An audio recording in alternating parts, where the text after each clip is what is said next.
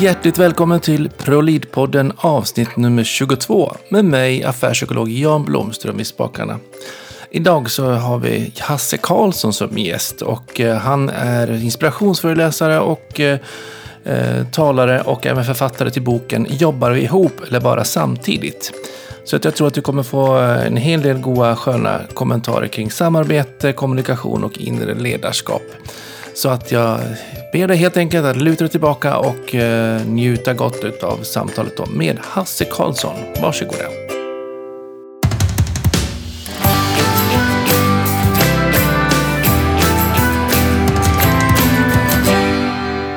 Då får jag önska dig hjärtligt välkommen till ProLead-podden, Hasse Karlsson. Tackar ödmjukast. Vem är det som vi får äran av att lyssna på idag? Kan du berätta lite om dig själv? Ja, jag heter Hasse Karlsson. Eh, jag kommer från Kinna. Jag är snart 50 år. Jag har jobbat som föreläsare i 15 år. Ja. Och brinner för samarbete, relationer och kommunikation. Enkelt och grejt. Ja, ungefär så. Jag har skrivit en bok som heter Jobbar vi ihop eller bara samtidigt? Ja, och den handlar om? Ja, just det. Den är samarbete, inre ledarskap och kommunikation. Hur vi kan funka ja, smidigare tillsammans, hur vi kan jobba smartare. Många är rädda så här, åh nu ska vi jobba hårdare. Absolut inte. Det har vi ju testat sedan 1800-talet. Det, det har nått sin gräns liksom. Ja. Vi kanske ska jobba smartare och använda allt som vi har inom oss som vi fram till nu har kallat mjukdelar eller vad ska jag säga. Ja. Och liksom förminskat det på något vis. Men vi kanske ska använda det mer. Och samarbeta riktigt bra istället. Ja, precis. Och inte bara samtidigt. Men jag blir nyfiken. Då. Vad är det som får dig att börja jobba med de här frågorna? Ja, det, det är en väldigt bra fråga. Jag har själv ställt mig den. Jag, jag, ska vi, ha, vi, vi har en stund på oss här så du ska få det där uttömmande svaret. Men jag tror allting bottnar i att jag dels så är jag uppvuxen i ett hem med mental ohälsa så att relationerna funkar ju inte riktigt. Det är en del av sjukdomsbilden. Ja. Eh, och som barn så tror man att så här är det hos alla men sen fattar jag ju att eh, det är lite som det är med min mamma och, eh, och det, det, det är inget elakt eller så men, men det, det, är ju, det är saker som var eh, svårt att förstå och saker som var jobbiga givetvis. Mm. Och sen så tror jag det, det ligger något intresse i med att när man växer upp då så jämför så här, ja, den familjen har si och de har så och de skrattar åt det och de bråkar om det och det funkar det och sådär va. Så det blir mycket Eh, också den här observationen lite grann om Ja, hur andra precis. är jämfört med din familj. Ja. Ja, sen sa jag till mina kompisar tidigt att jag kommer aldrig jobba med barn. För jag har mycket kompisar som jobbar inom fritids och skola och sådär. Ja. Men så ringde en kompis en dag och sa att du det är kris här nere. Det var 100 meter från min lägenhet och, och kan du bara komma och vara med mig här två timmar för jag har 32 ungar och du vet så, eller vad det nu var. Ja. Eh, ja okej, jag ställer upp för en kompis kan jag göra då va. Och blev givetvis helt tagen av hur fantastiskt det var att jobba med barn. Och den direktheten i relationen som... Ja, men världsklass. Sen var jag helt fast. Så att, eh, det är väl också det att jag har jobbat med, inom barnomsorg och skola över tio år och framförallt har jag mina rötter inom särskolan. Ja. Vad spännande. Eh, Jag är ju i bakgrunden är jag neuropsykolog. Ah, Så jag Åh. har jobbat inom habilitering och sådär. Ja. Så i min barndom höll jag på så. ah, Eh, Så jag utbildade mig till... eh, Jag ska bli neuropsykolog för barn och ungdom var mitt mål. Oj, ah, ah. Jag så specialist, spännande. specialistbehörighet i klinisk neuropsykologi. Okej. Även om jag inte jobbar med det så aktivt nu så. Nej, nej, nej. På vilket sätt har du det med dig då? Alltså att göra saker enkelt tror jag. Funkar Ja. det för en hjärnskadad? Jag jobbar mycket med hjärnskadade patienter framförallt. Eh, då funkar det för chefer också tänker jag. Men det, Det- brukar jag sällan berätta för dem. Men, eh, Ja, nej. men, Nej, liksom men att- nej, jag, det är jag med på direkt. Jag, jag, jag känner samma sak. Att, att förstå lite hur vi funkar. Jag, pra, jag pratar ju lite om hjärnan också. Det, det är väldigt få som har kunskap hur vi funkar egentligen. Vi, vi har någon slags för stor tilltro till förnuftet. Vi tror att vi kan förnufta till allt och så glömmer vi av att känslor och det här är ju urstarkt. Ja, Det är liksom inte bara att eh, ja, men det är bara att tänka förnuftigt. Eller, ibland tänker vi så dumt så att det liknar ingenting. nej. För det är så vi människor är. Ja, men då måste vi kanske låta förnuftet förklara känslan tänker jag då. Ja, Ja, nu ska vi inte, jag är ju väldigt nära att börja intervjua dig nu för, för ditt ämne är ju så fantastiskt intressant. Verkligen. Jag tycker- det blir en ömsesidig intervju kanske. Ja, nej, men jag tycker faktiskt allvarligt att man, man måste läsa mer om hjärnan. Alltså i högstadiet så, så, så vi som barn har med oss hur det funkar. Mm. Det går ju inte, jag tycker inte det är okej när jag har en föreläsning för människor i min ålder. De, de fattar inte hur, hur starka känslorna är eller hur det funkar rent neurologiskt. Det är ju synd liksom. Mm. Det, det är ju liksom bra att veta tänker jag. Ja, det är jäkligt bra. Och vill man, jag hade faktiskt en gäst i podden här tidigare, Malin Trossing. Som har just släppt en bok om, som heter Leda med hjärnan. Mm. Så att eh, den förklarar mycket just det med, med hur hjärnan fungerar i förhållande till vårt ledaragerande. Just det. Så den, Ja, det den kan bra. vara bra lä, lästips till er som lyssnar också om annars. Mm, ska jag plocka till mig det här tipset. Det gillar vi. Och eh, sen tycker jag också en annan aspekt i just det med, med hjärnans funktioner, eh, i alla fall det som jag kanske präglas mest av, det är ju att vi är som vi är. Ja, Eh, man har de personal man har om man jobbar som chef. Och eh, man behöver inte flåda till det så jäkligt, utan funkar det så funkar det. ja. Och Precis. Jag, satt precis. så, jag själv har så många situationer när man har suttit med någon som har ett minnesproblem. Och så säger man något klokt, eller de säger något klokt. Och så säger men okej vi skriver ner det. Så vad har vi att skriva ner det på? Så att de kommer ihåg det. Mm. Blir på en papperslapp eller baksida av något kuvert eller gör något. Istället för att man ska ha så fina ark och Nej. tryckta Ma- make blanketter. it work liksom. liksom. Få Ja. funka. Och det här, den tycker jag har med mig mycket ut i arbetslivet. Jag har ju miljoner teorier med mig som hjärntvättad man är som psykologutbildad. Men, eh, men, men någonstans så ska vi få det att funka i vardagen. Och Ja. eh, då kan vi inte flåda med så fina begrepp utan man får Nej. göra det som behövs där man befinner sig. Nej, och jag, jag vill bara återknyta till det du sa innan. Jag brukar säga det. If it ain't broken, don't fix it. Liksom. Funkar bilen, öppna inte motorhuven, kör vidare. Mm. Men oftast kommer jag in på ställen där ja, vi har en ny chef som ska göra ett avtryck och så river man upp massa saker som funkar. Mm. Och jag kan säga då i näringslivet så har man oftast inte råd med det men inom offentlig förvaltning så, så har jag sett detta väldigt tydligt under många år och det är lite synd. Eller det är fruktansvärt synd. Och sen vill jag återknyta till det du sa innan som jag älskar att nu är det som det är. Och jag brukar säga att vi måste utgå från så som det är och, och en del säger att ja, man måste gilla läget. Nej, det håller jag inte med om. Du behöver inte alls gilla läget. Du kan avsky läget. Men det finns saker vi kanske måste acceptera. Mm. Att, att okej, min chef är chef. Hon kan inte eller han kan inte kräva att jag ska lita på hen.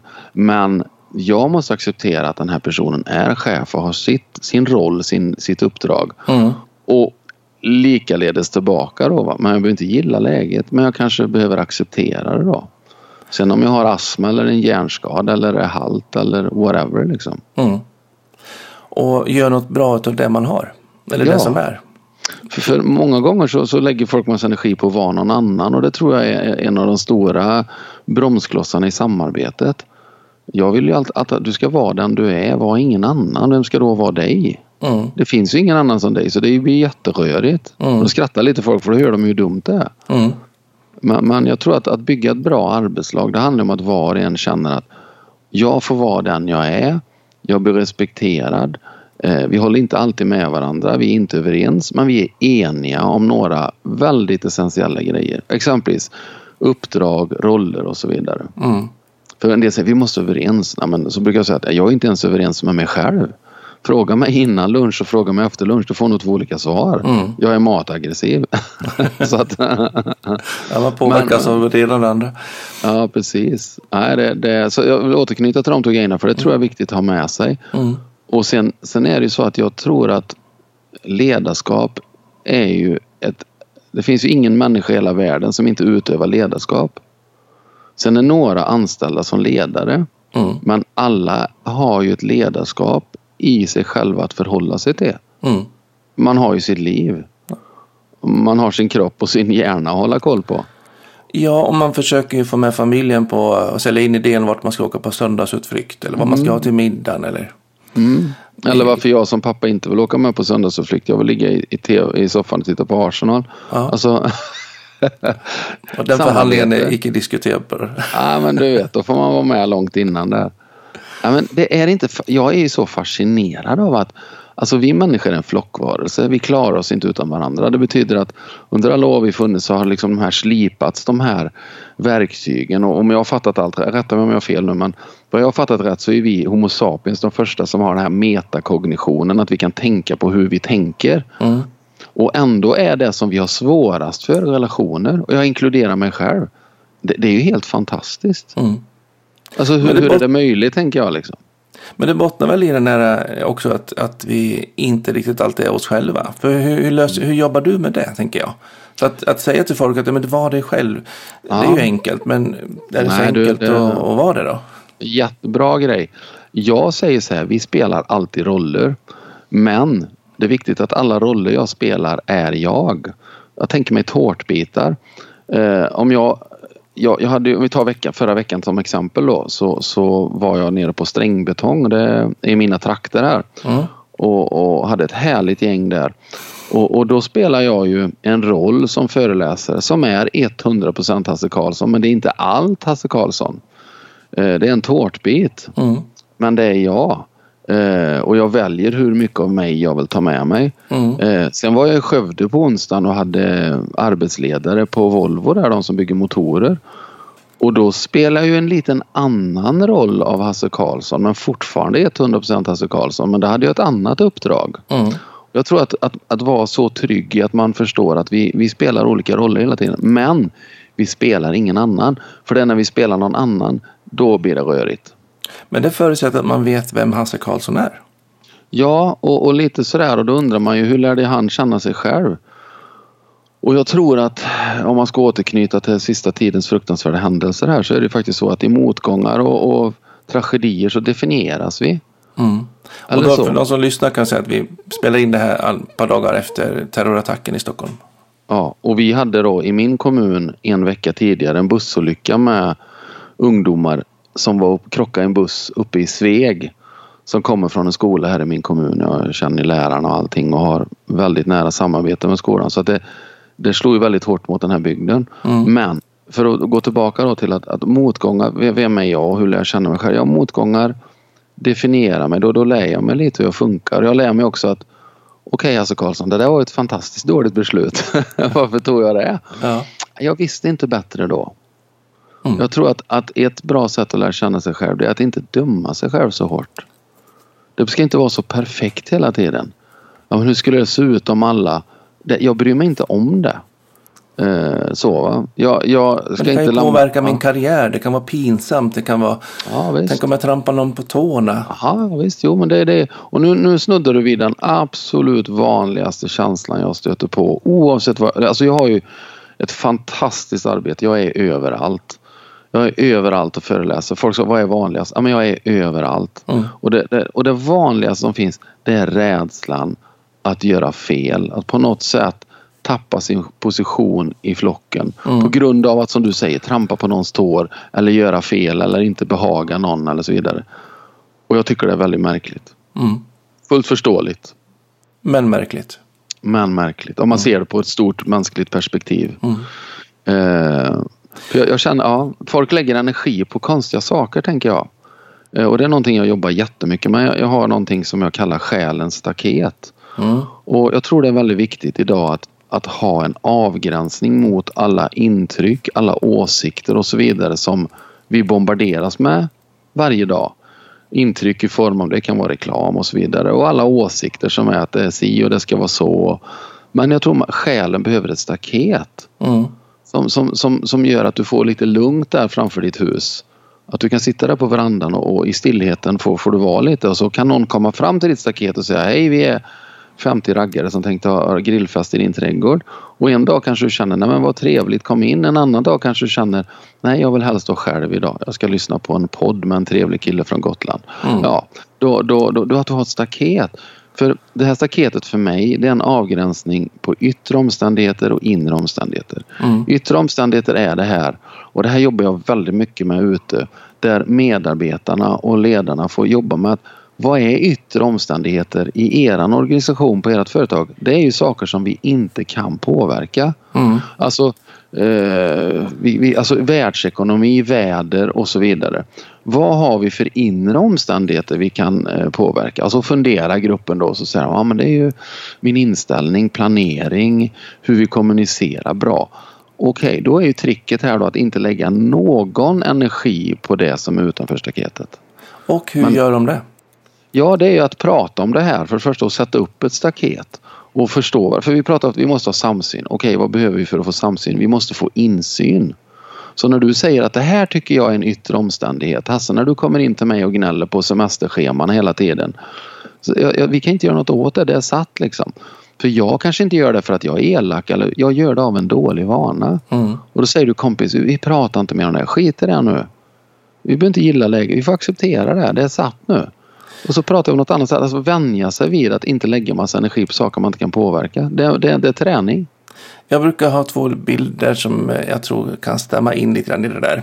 Det ena är att jag pratar mycket om icke-frågor. Just Vad är det. verksamhetens icke-frågor? Det är de här som är utanför staketet. Ja, jättebra. Och sen har jag en bild som jag brukar rita en cirkel på, på whiteboarden. Och så gör jag en liten cirkel i mitten. Eller på sidan, innanför den där. Och fyller den. Och så säger jag att det här är ett stekt ägg. Och det här är äggulan.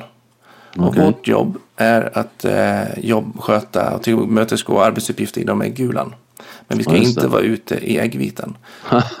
Fram, framförallt inom äldreomsorg eller inom Mm. vård och omsorgsyrken. Där man liksom har behov.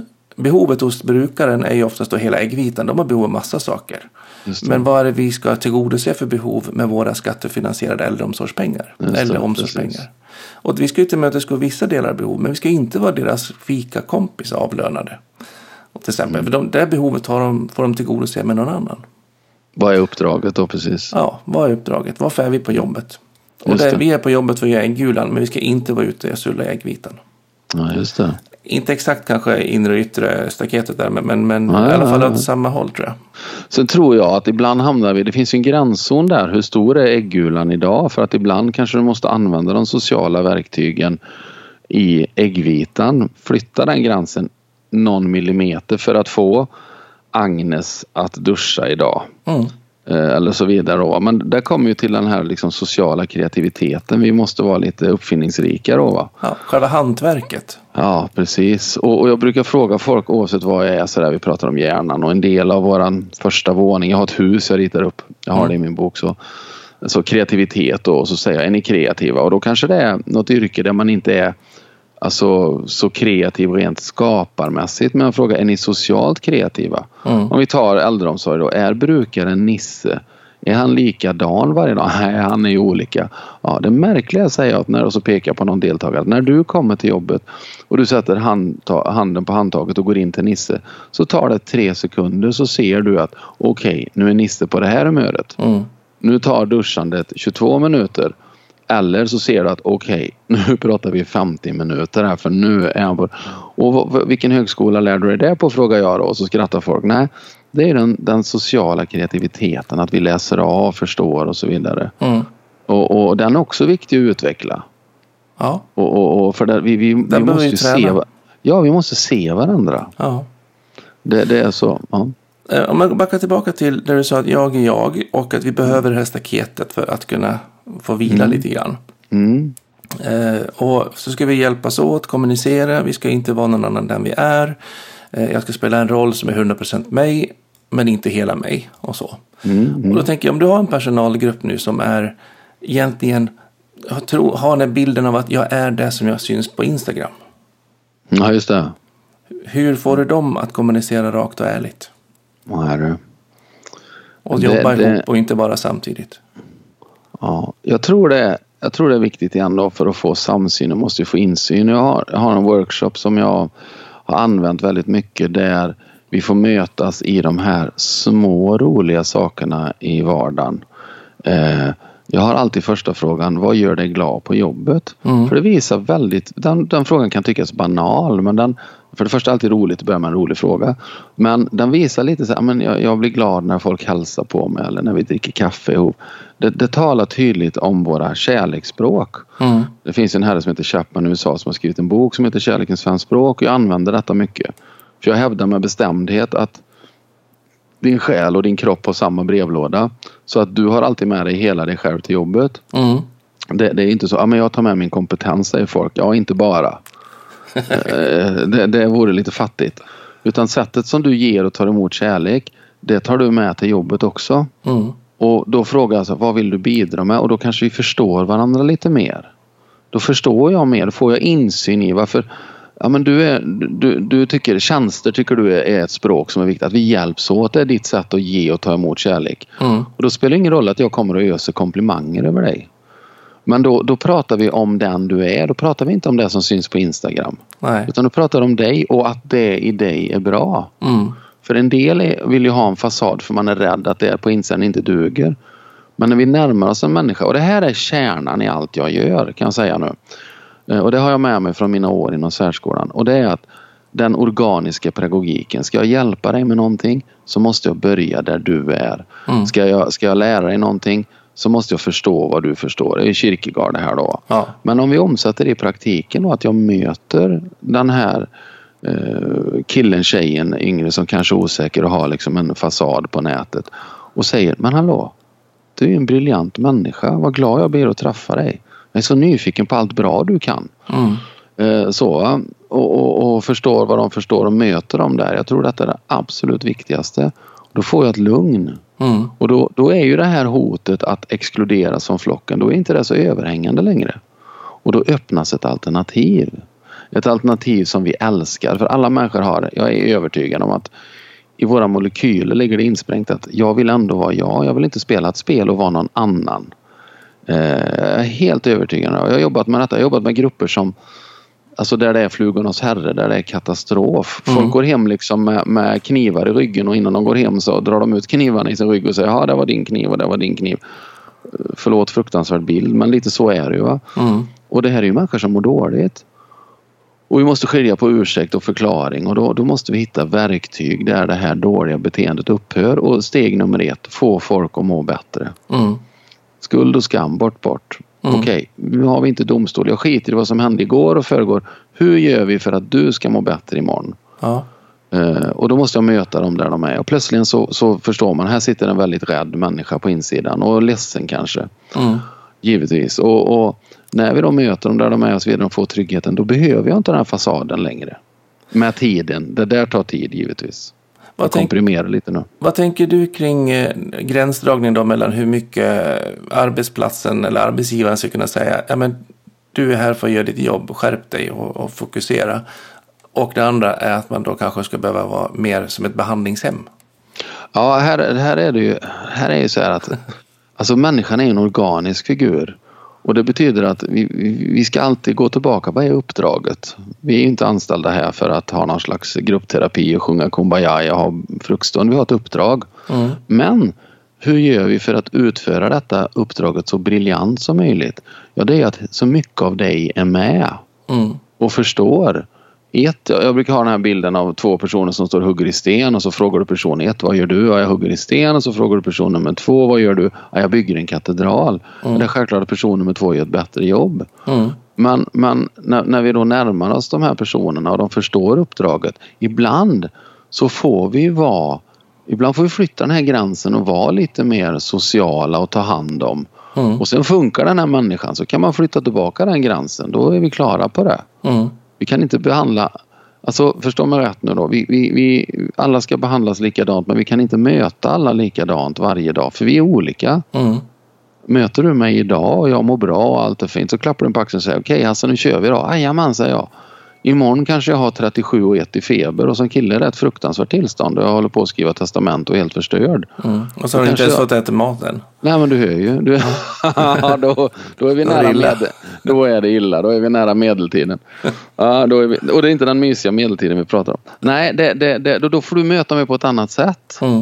Och det betyder inte att alla ska dansa runt mig den dagen. Men bara du möter mig där jag säger Hasse jag ser att du mår pyton. Du det är fruktansvärt idag. Men du är okej okay, kompis. Mm. Vi hjälps åt idag. Och så den här klappen på axeln. Och så kanske jag känner att, ja vad gott. Jag, fick, jag blir sedd av dig några sekunder. Och om du då har en ledningsgrupp som är, eller ett gäng chefer som är mm. hemskt stressade och kollegor som är stressade, hög stressnivå mm. inom företaget. Mm. Hur, hur orkar de och hur, hur får du dem att liksom se att vi kanske ska stanna upp och fråga hur Hasse mår? Ja, alltså för det, det första måste vara en så... jätteutmaning tänker jag. Ja, fast jag börjar ju inte där. Jag börjar med dem då. Jag ja. börjar, måste jag möta dem där de är och hur kommer det sig att ni är stressade? Mm. Uh, och, och var de orimliga kraven, kommer de inifrån dig eller kommer de utifrån? Jag måste börja sortera lite. Jag har ju suttit med så många ledningsgrupper i individuella samtal och haft heltagare, heldagar och så vidare. Det är väldigt spännande för att allting landar ju hur vi vad vi själva har för krav på oss En del är ju helt orimliga liksom. Mm. Jag brukar säga att du har en påse energi och den ska räcka till jobbet, familjen och fritiden. Du mm. har inte tre påsar med 100% energi i varje. Du har en. Mm. Och, och, vad är rimligt just nu?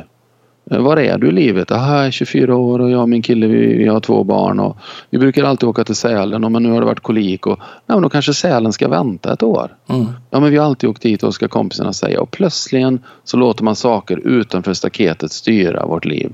Mm. Men tillbaka till din ledningsgrupp igen och stress. Ja, en sak som jag vänder mig väldigt, väldigt starkt emot det, det är en villfarelse och det är stressen. Det som är jobbigt här på jobbet är ju stressen. Precis mm. som att det är en varelse som alla har samma relation till. Mm. Och jag säger nej, nej, nej, jag köper inte det. Vi är omöjligt stressade av samma sak allihopa. Mm. För vi är olika. Eh, jag exempelvis, jag har varit med om olyckor och så vidare och det är inte mysigt. Absolut inte. Men någonstans så blir det någon slags eh, lugn i mig och så pekar jag. Du gör det och jag kan jag hjälpa till med det eller alltså beroende på vilka jag möter då. Va? Ja, så kommer alla reaktioner efteråt. Jag, jag blir inte stressad. Det blir ett adrenalinpåslag och någon, jag vet inte vad det är. Men man blir hemskt fokuserad? Ja, oerhört. Mm. Pulsen går faktiskt kanske ner nästan. Att den, eller jag vet, jag vet inte, men man går in i någon tunnel där bara. Du, du, du, sådär, va? Mm. Men om du vill få mig stressad, sätt mig vid ett skrivbord, lägg upp massor med papper som jag ska sortera. Gärna från mina vänner från Skatteverket. Jag brukar skoja med dem när jag föreläser här. Bokslutet är en bra tid för dig då? ja, jag har, nu har jag världens bästa ekonomitjej. Jag, jag, jag kan inte räkna nämligen. Nej. Så jag har en ekonomitjej, hon är underbar. Men, men alltså, vi stressas av olika saker. Mm. Administration och sortera papper. Jag, jag gillar det inte. Mm. Jag blir stressad av det. Vad, mm. vad ska jag göra med det här? Här är någon bekräftelse om försäkringsbolaget. Är det någon sån här grej, kan jag slänga det eller ska jag sätta det i en perm eller varför ska jag ha den? Mm. Om jag slänger den kommer jag få ske, men allt finns väl på nätet eller? Nej, jag gillar det inte. Nej. Men kliva in i ett rum. Jag, jag hade en föreläsning en gång. Om jag får skryta lite eh, och samtidigt anknyta lite till det du sa här. Jag hade en föreläsning för många år sedan där det var 130 personer och det var en verksamhet som var i, i fritt fall. Det var mm. katastrof. Där hade klivit in en ny chef och jag vet inte vad som gått fel men där allt hade gått åt pipan. Ledningsgruppen var upplöst. Folk som hade jobbat 20-25 år sa upp sig. Mm. Och jag kände i min mage när jag fick förfrågan här eh, kommunikation i svåra tider och så, så i den här kommunen då. Jag är i hela landet så det var en, en av kommunerna i landet så långt kan jag säga. Ja. Och jag kände i magen att nej men det här stämmer inte. Alltså det är något som...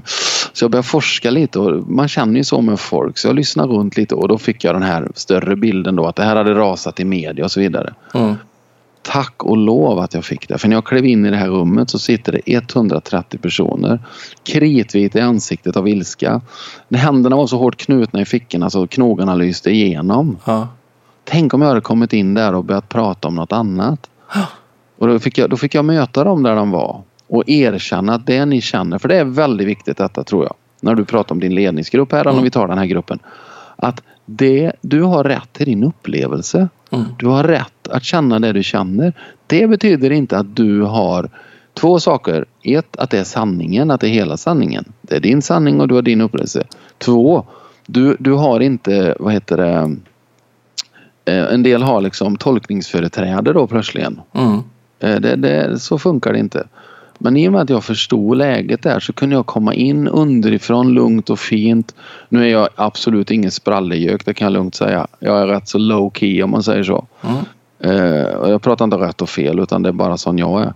Eh, men och när jag fick möta dem där de var.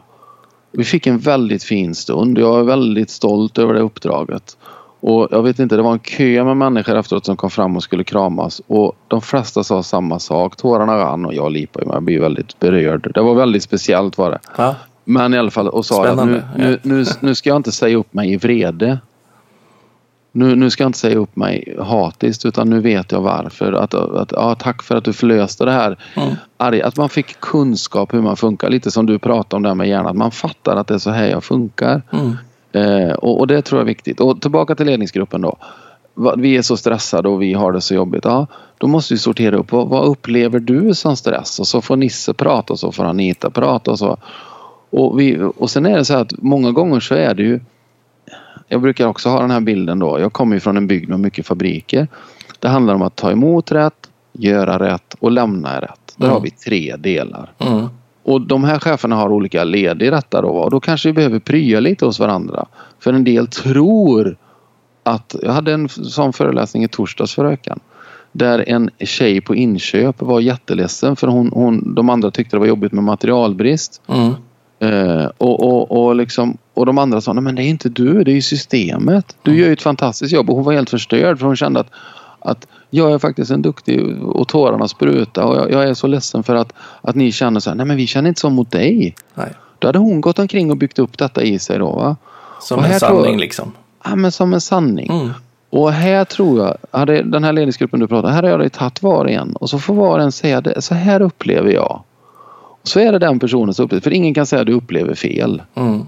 Eh, så är det inte. Utan du upplever det och sen så får man börja bena ut då. Och vad där, är rimligt? Vad är uppdraget? Och det där tänker jag också, för, för mig bottnar det där i att, att liksom gör det så enkelt det bara går. Det handlar mm. om att man står där. Jajamän, vad är jag stressad över? Hur känner jag? Ja. Hur ser jag min verklighet? Ja. Hur ser vi våran verklighet? Alltså ja. hur, internt i vår lilla grupp. Eh, det där är ju någonting som är jäkligt enkelt och otroligt komplext och svårt. Mm. För det bygger ju någonstans på att jag faktiskt vet vad jag känner och tänker och ser. Och det är inte självklart heller. Nej. Och framförallt inte om man har varit stressad under lång tid och varit i en dysfunktionell miljö där jag inte riktigt har läst av alla kniv i ryggen som du pratar om. Mm, alltså var kommer de ifrån? Vad handlar det om? Jag bara märker att jag mår jävligt piss. Och är svårt mm. att sortera för allt det ligger i samma korg liksom. Mm. Och sen är det också en träningssak. Det här mm. som du pratar om att vi behöver träna på att vara, vara socialt kreativa. Ja, precis. Eh, och det här handlar också om att vi behöver träna på att sortera och hitta. Ja. Vad är jag? Alltså läsa instruktionsboken om sig själv. Mm. Vart är det jag sorterar saker? Vad är det jag går igång på? Att uttrycka mig. Hur känner jag tilliten till mina kollegor? Vågar jag mm. berätta när du ställer frågan? Att så här ser jag på situationen i, i min ledningsgrupp när jag vet att jag har mina konkurrenter eller mina kollegor som mm. jag upplever som konkurrenter som tävlar om min tjänst eller mm. bonusar eller vad det nu kan vara för någonting. Just det. Just så, så att det är ju någonting som är inte så enkelt kanske att bara göra men mallen är också samtidigt så ren och enkel. Det är bara att träna. Ja. Men är det inte lite så här när du säger så så tänker jag, jag tror det är en sak som vi måste verkligen bara här tycker jag att vi här stöter jag på och här upplever jag att vi stöter på områden där vi måste höja oss och det är rekrytering. Eh, för det är ju lite sådär att eh, ibland rekryterar vi människor som, där de inte alls lever nära sin briljans och sina talanger. Nej. Och en del, mardrömmen är ju de här som, jag vill vara chef. Titeln är viktig. Mm. Eh, att du ska vara en ledare och visa vägen och inte stå i vägen och att det är ett ansvar. Det, det, Äntligen har jag den här titeln och nu är jag någon. Och jag fattar också varför det funkar så för en del men det blir ju aldrig bra. Så det handlar ju lite av det du sa här nyss så handlar det också om, om mitt research innan att jag förstår lite mm. eh, var, var de här människorna är någonstans så jag kan möta dem där och sen också förstå var ska, var ska vi vara någonstans. Mm. Eh, så man kan liksom föra dem dit och sen samtidigt så kanske det faktiskt är så att några personer i den här ledningsgruppen kanske ska jobba med något annat. Mm. Och jag tänker, du, du har jobbat inom omsorgen. Mm. Och eh, då tänker jag liksom att min erfarenhet därifrån är att där är man ganska duktig på att, att vara den man är. Ja. För, att, för, att, alla relationer bygger på att man är hemskt naken och, och ren i sina relationer. Någonstans. eh, vissa branscher som jag är inne i så märker jag liksom att jag är jag är likhetstecken med just det här titeln, statusen, Just hörnrummet eller vad det nu kan vara. Och de är ju mycket, mycket mer svårjobbade egentligen. Jajamän. Det, det är ingen lek. Och, och, där, och där, om man till och med ser hierarkin när man sitter i bastun, liksom, vem är det som har vilken chefsposition? Jajamän. Och då, och Det är då är det, fantastiskt. Och då är det inte så sunt. Nej. Men det är himla någonstans. roligt att jobba med för att det är en bra träning. Och jag brukar tänka att att springa Stockholms maraton är inte så himla svårt. Det är bara Mm. att springa, men det kräver jäkligt mycket träning. Ja, precis. Och detsamma gäller ju med kommunikationer och samarbete. Det är inte så svårt, men vi behöver träna på den hela Ja, ja, verkligen. Och här tror jag, här satte du fingret på någonting då att, att det, det är två saker. Jag tänker mig lite hjärnan att den, den är, alltså den här fettklumpen på ett och ett halvt kilo, det är den som är mellan världen och din själ. Så du har sinnena som uppfattar världen på sina olika sätt. Så ska hjärnan tolka det på något vis Mm. Och tala om det för din själ. Och har vi en liten fubb någonstans då så, så, jag säger så här då istället att alla människor har ju något typ av svart hål inom sig. Mm. Större eller mindre. Men blir det lite för stort då försöker vi självmedicinera och fylla det med någonting. Och vi försöker alltid fylla det på det med saker utifrån och det kan vara alkohol, droger, konsumtion, träning, sex, whatever. Mm. Och det går aldrig. Det går Nej. aldrig. Eller att nu, nu när jag blir chef då minsann. Eh, nej, det funkar aldrig. Hålet är man kvar. Hålet är kvar. Men någonstans kanske när vi flyger under radarn med de här människorna. För det är jag gör hela tiden. Jag pratar inte jobbet. Jag pratar oss människorelationer för då lyssnar alla. Mm. Och så kommer vi fram till kanske då och då, då är det väldigt viktigt att Nisse då som, som sitter längst upp i bastun och det är viktigt att han är chef. Och jag ser ju den här rädda lilla femåringen i honom som inte fick sitta i sin pappas knä och aldrig fick höra att han dög. Så han har ett prestationsmonster i sig men han har ju behovet av en liten rädd femåring. Mm. Och då måste jag närma mig honom oerhört varsamt. Jag får inte utmana hans stolthet. Utan berömma hans för hans... För likhet ger ingång. Olikhet är utveckling. Så jag måste börja med likhet. Och, och berömma och förstå att och vilk, vad, du har byggt upp något här. Vilken prestation. För det är ju sant. Han har gjort en jättebra prestation. Men han, det är inte det som gör att han mår bra. Eh, och det är inte den som gör att han kommer må bättre. Men möter han det och han upplever mig att jag inte är ett hot. För jag, mitt jobb nummer ett är att skapa ett förtroende. Mm. Och när vi då kan mötas jag och han och han vågar glänta lite på dörren. Jag har ju sett femåringen från ruta ett men det vet ju inte han. Nej. Och våga visa att ja, ibland kan jag ju faktiskt eh, sova lite dåligt innan eh, prognosen ska lämnas in till ledningen i Danmark här eller ja, jag förstår det. Det, du lever, det är tufft. Vad, hur känns den rädslan liksom? Ja, Mm. och så, du, ja, du kan ju det här. Men, men lite att, att möta han där och att han får välja hur mycket han vill öppna sig. Mm. Och jag då som inte har någon titel, jag kan säga jag har också varit rädd en gång och jag kände så här för att jag använde likhet för att nå ingång då. Mm. Sen tror jag det är väldigt viktigt i min roll då när jag sitter, i- jag sitter i individuella samtal också då. Inte bara inspirationsföreläsare utan jag är med kunder, ibland i år. Men att verkligen lämna vidare till proffs Mm. Eh, tidigt och säga Nisse, du är inne på en fantastisk resa och det finns så mycket bra i dig som inte har kommit ut än. Jag, jag, det ska bli så spännande att få följa dig. Men jag är inte rätt hantverkare nu. Nej. Jag, jag, jag, jag är bra på växellådor men, men nu, nu, nu är det någonting med elen här och det, det ska inte jag greja med. Eh, men jag har en, en kompis här som är duktig på detta som är Sen om det är någon eh, samtalsterapeut, psykolog eller whatever liksom. Ja. Men att den här personen får gå vidare då.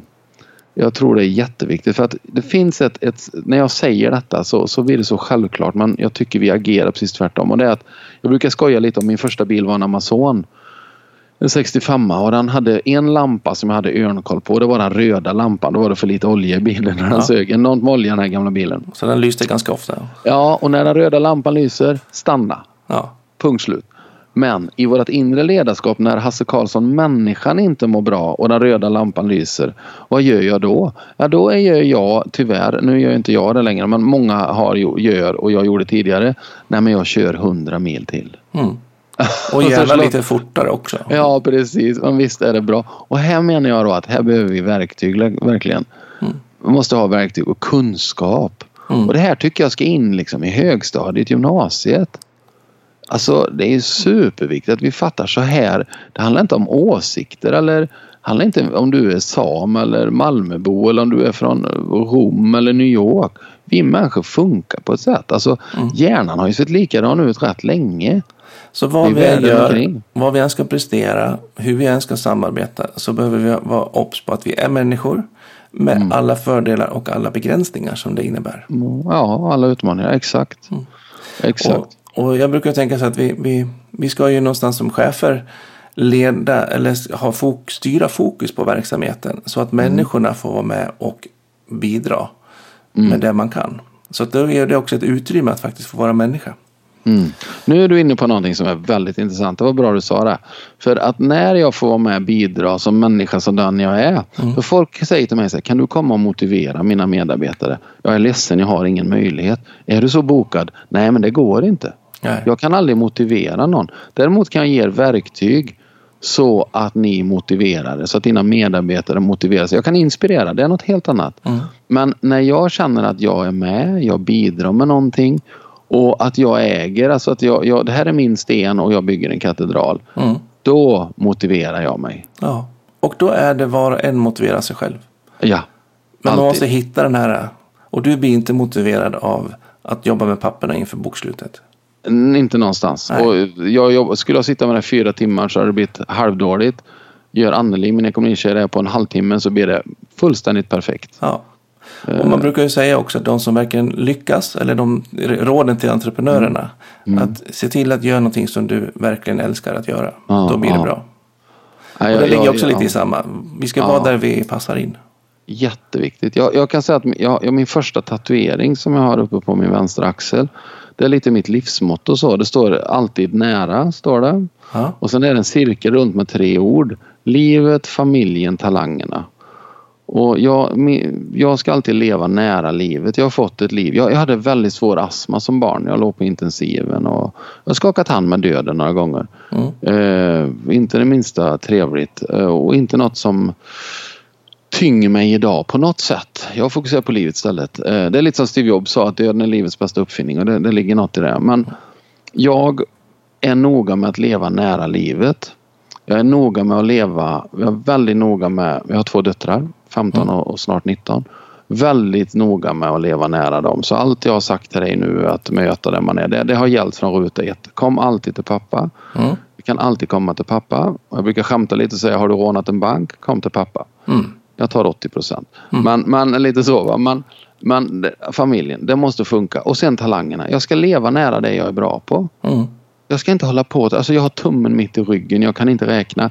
Alltså listan på yrken jag inte ska jobba med, den, den är väldigt lång. Ja. Och jag är jättetrygg med det. Mm. Sen är det så också så här att det, folk säger, ah, men hur blir du föreläsare och vilka titlar har du? Jag har inga titlar. Jag, jag är utbildad till ljudtekniker och barnskötare. Mm. Eh, och livets hårda skola, det, det uttrycket är jag så trött på. Det används av människor som oftast jag inte delar värdegrunden med för fem öre. Så det, det undviker jag. Däremot så har ju alla underbara människor jag fått möta lärt mig hur mycket som helst. Mm. Jag brukar säga att jag har ett Hall of Fame i hjärtat med massa hjältar och där har vi alla mina barn i särskolan och för de har ju lärt mig att, att, att det är inställningen som är det spännande. Vi har inte vidrört det än men jag vill bara säga det att jag, jag är ju notorisk motståndare till positivitetsindustrin. Det här, tänk positivt så blir allt bra. Alltså en människa som säger så har ju aldrig betalat en räkning i hela sitt liv. Nej. Det är väl, inget blir bra bara för att du tänker positivt. Men vad lärde mig barnen i särskolan? Jo, en positiv inställning. en positiv inställning var oerhört viktigt det. Ja. Och det har jag med mig. Och vill du, och det är ju det som är grunden egentligen till allt. Och då är vi inne på Ja. den här katedralbyggan istället för Jajamän. stenhuggan. Jajamän. Om man vill Helt sant. inspireras av dig och eh, ta, komma i kontakt med dig. Mm. Så för det första så är det att läsa boken. Jobbar vi ihop eller bara samtidigt som är en bra Ja. inspiration. Men om man vill komma i kontakt med dig, hur får man tag på dig? Jag finns ju på lite olika ställen då. Jag, eh, hassekarlsson.se Mm. hassekarlsson.com. Mitt företag heter Mål och mening så mal ochmening.se finns också. Hasse Karlsson föreläsare på Facebook och Hasse Karlsson på Facebook. Och Karlsson med C. Karlsson med C, tack. Helt Ja. sant. Eh, där finns jag anytime och jag jobbar inom landet och utanför landet och jag bor så nära Landvetter så jag kan göra ett jobb i Luleå och vara hemma samma dag så att jag Och du Ja, väldigt har ju också mottot att vara nära. Vilket betyder ju också att du alltid är nära. Oavsett var kunderna är. Ja, ja faktiskt. Ja. det är sant. Bra där. En liten slutkläm. Ja, Nästan det som... var snyggt. Ja, det köper jag. Och vill ni fortsätta att följa ProLid-podden så följ oss gärna på Facebook och sociala medier. ProLid eller Jan Blomström. Så håller vi kontakten vidare där också. Och med det så tackar jag så jättemycket för att du var med oss här idag Hasse. Ja, Stort tack, stort tack. Kanon och på återhörande. Ha det bra. Ha det bra.